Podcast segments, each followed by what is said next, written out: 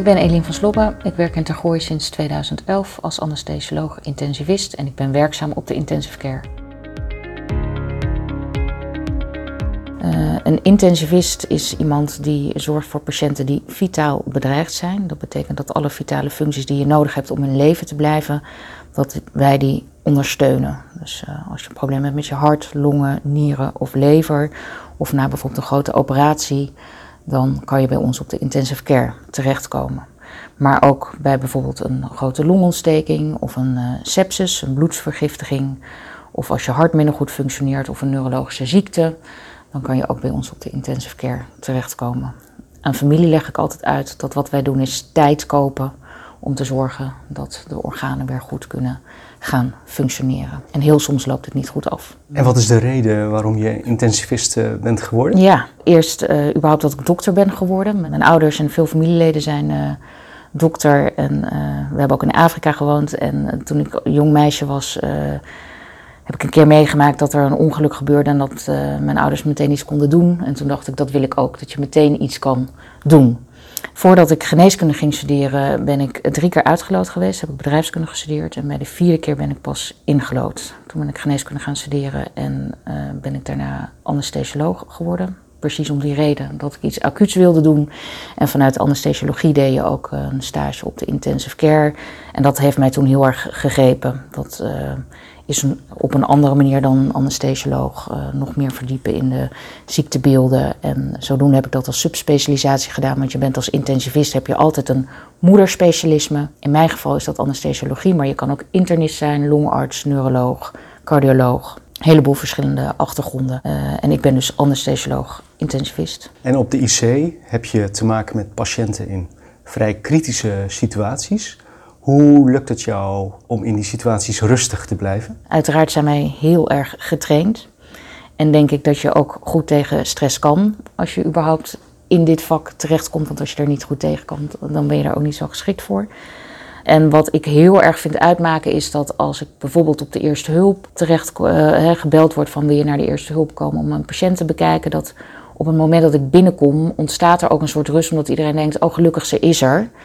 En ze weten dat ik wat kan. En ik denk dat het feit dat je iets kan ook iets anders is dan wanneer je alleen maar staat toe te kijken als iemand heel erg ziek is. En ik kan handelen en dingen bedenken en heb scenario's in mijn hoofd wat ik moet doen. En ja, dat helpt natuurlijk. Dus rustig blijven is een ja. eigenschap.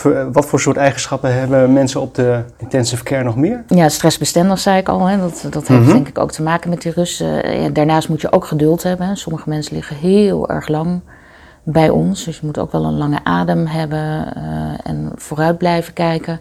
En ik denk wat essentieel is, is dat je humor hebt. Dat je kan lachen af en toe.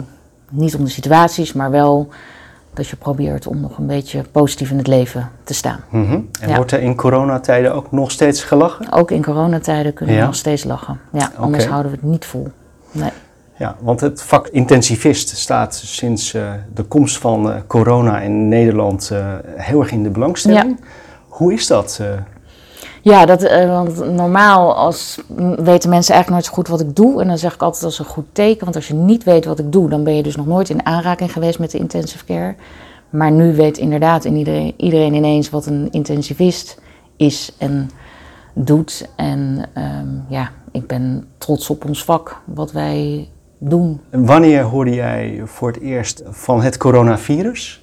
Um, in de krant, denk ik in eind december, januari, hè, toen het in China begon. Toen, uh, ja, toen, dat was natuurlijk indrukwekkend om te horen ook hoe snel het daar ging. En ook indrukwekkend om uh, te horen dat zij een uh, ziekenhuis in tien dagen kunnen bouwen, waar wij hier een aantal jaar over moeten doen. Mm -hmm.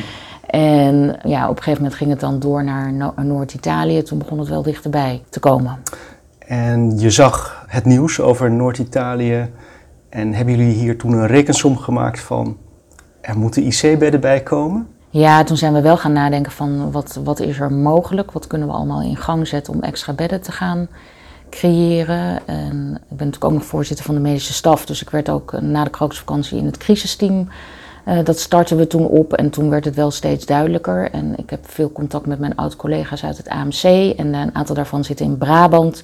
En die begonnen mij echt te waarschuwen, of eigenlijk iedereen te waarschuwen van er komt wat aan, zorg dat je voorbereid bent. En nou, daar werd hier binnen huis ook wel goed naar geluisterd. Dat we toen heel snel plannen zijn gaan versnellen om te Mhm. zorgen dat we snel konden uitbreiden. In eerste instantie met de verkoever IC erbij, ehm, waar de anesthesiologen ons heel goed en heel hard bij helpen.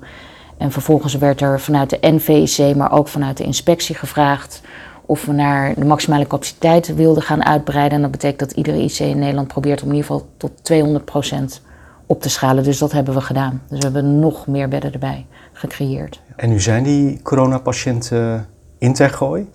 Eh, heeft dat jouw werk eh, veranderd? Ja, ik vind eh, het is sowieso eh, medisch inhoudelijk ook interessant. Hè? Dus los van de ellende is het ook interessant. Want heel de wereld zit te kijken van wat moeten we doen. Ons protocol is dynamisch en er veranderen gewoon dingen aan. Welke medicijnen moeten we geven? Sommige medicijnen die in het begin werden gegeven worden nu niet meer gegeven.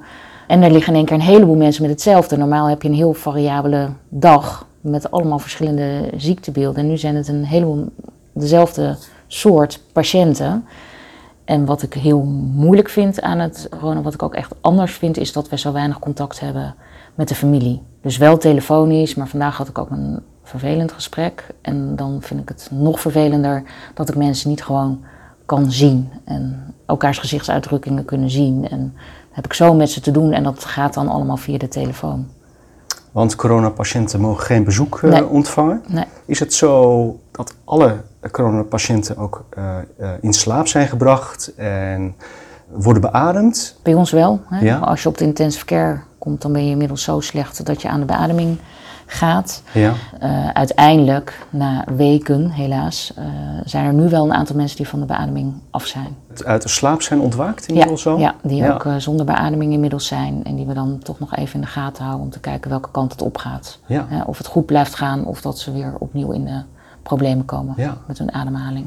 Die zijn gewoon eigenlijk een paar weekjes eh, eh, weg geweest. Ja. Die komen weer bij. Dat Ja. moet een hele aparte gewaarwording zijn. Het lijkt me ook vreselijk, want je wordt wakker en er zijn allemaal mensen om je heen in pakken.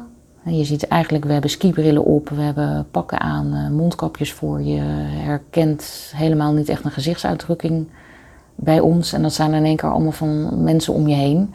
En als je iets verder kan kijken, dan heb je denk ik ook nog het gevoel dat je in een aquarium ligt, omdat we allemaal extra sluizen hebben gebouwd. Dus je ligt ook nog achter glas. En is het dan wel mogelijk om dan contact te hebben met die, met die mensen die net zijn bijgekomen uit hun, uit hun slaap? Ja, ja, ja, daar kunnen, we Ja. Mee, eh, daar kunnen we mee praten. En vandaag hebben we ook, hè, we kunnen dat beeldbellen doen. En we vandaag ook Ja. eh, iemand die van de beademing af was en wakker was met de familie laten facetimen.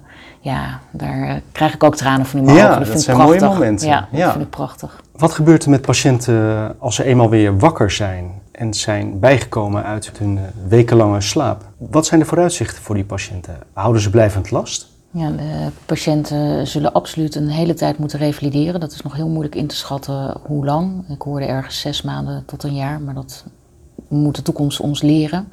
Ehm, wat wij doen bij alle intensive care patiënten die bij ons in Tergooi komen, die langer dan 48 uur beademd zijn, die worden allemaal uitgenodigd op onze post-IC-poli.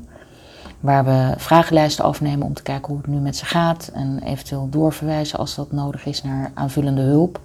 En dat geeft ons ook heel veel feedback. En wat hebben mensen nou meegekregen? Wat hebben mensen nou meegemaakt? Hoe kunnen wij ook verbeteren? En het is voor patiënten een hele goede manier om een stukje verwerking te hebben. Want je komt hier dan opnieuw. Als je wil mag je ook nog een keer je IC-kamer zien waar je een tijd hebt gelegen. En de meeste patiënten willen dat ook wel.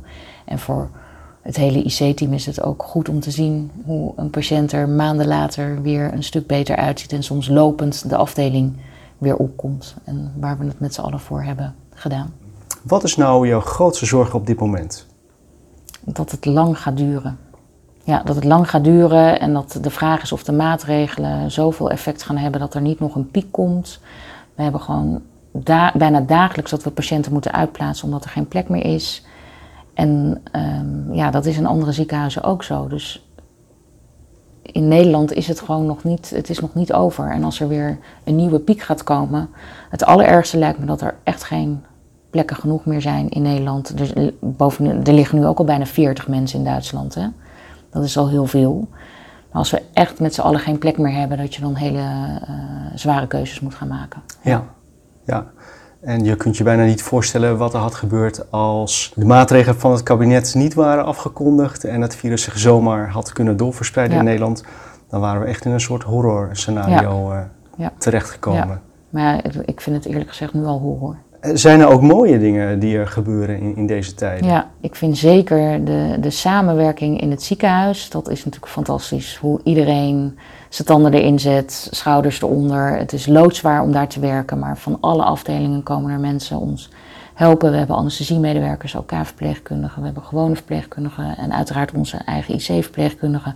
Extra artsassistenten uit allerlei vakken die ons komen helpen. De anesthesioloog heb ik al genoemd, die ons eh, echt dag en nacht helpen. En eh, het hele management eromheen, iedereen die zorgt dat, dat het geregeld wordt, facilitair die, die sluizen heeft gebouwd, kamers heeft gebouwd in, in ongelooflijk snelle tijd. Dat is echt bewonderenswaardig. Er wordt goed voor ons gezorgd met eh, dat er gezond fruit en, en eten en drinken naar binnen wordt gebracht. Dus ja, ik ben wel trots op Tergooi. En hoe lukt het jou om na zo'n werkdag als vandaag, waarin je ook eh, minder mooie dingen meemaakt, Ja. hoe lukt het jou om de gedachten te verzetten? Ja, het is, het is fijn om, om ook weer thuis te komen. Hè. Eh, Sowieso, als je hele vervelende dingen hebt meegemaakt, dan helpt het om even met je collega te praten. Dat je wel. We, zijn nu, we werken nu met z'n tweeën overdag als intensivisten en ook nog eentje in Blaricum, dus we zijn eigenlijk met z'n drieën. En normaal ben je hier alleen. Dus het maakt uit dat je de hele dag iemand bij je hebt. En dan kan je toch nog even de dingen die je vervelend vond met elkaar uitspreken. En eh, daarnaast is het fijn om thuis te komen en met de kinderen buiten te spelen. Ik wens je heel veel sterkte en, en kracht in deze periode. Zet hem op. Dankjewel. U luisterde naar de Tergooi podcast. Meer weten over de Tergooi podcast? Ga dan naar www.tergooi.nl slash podcast.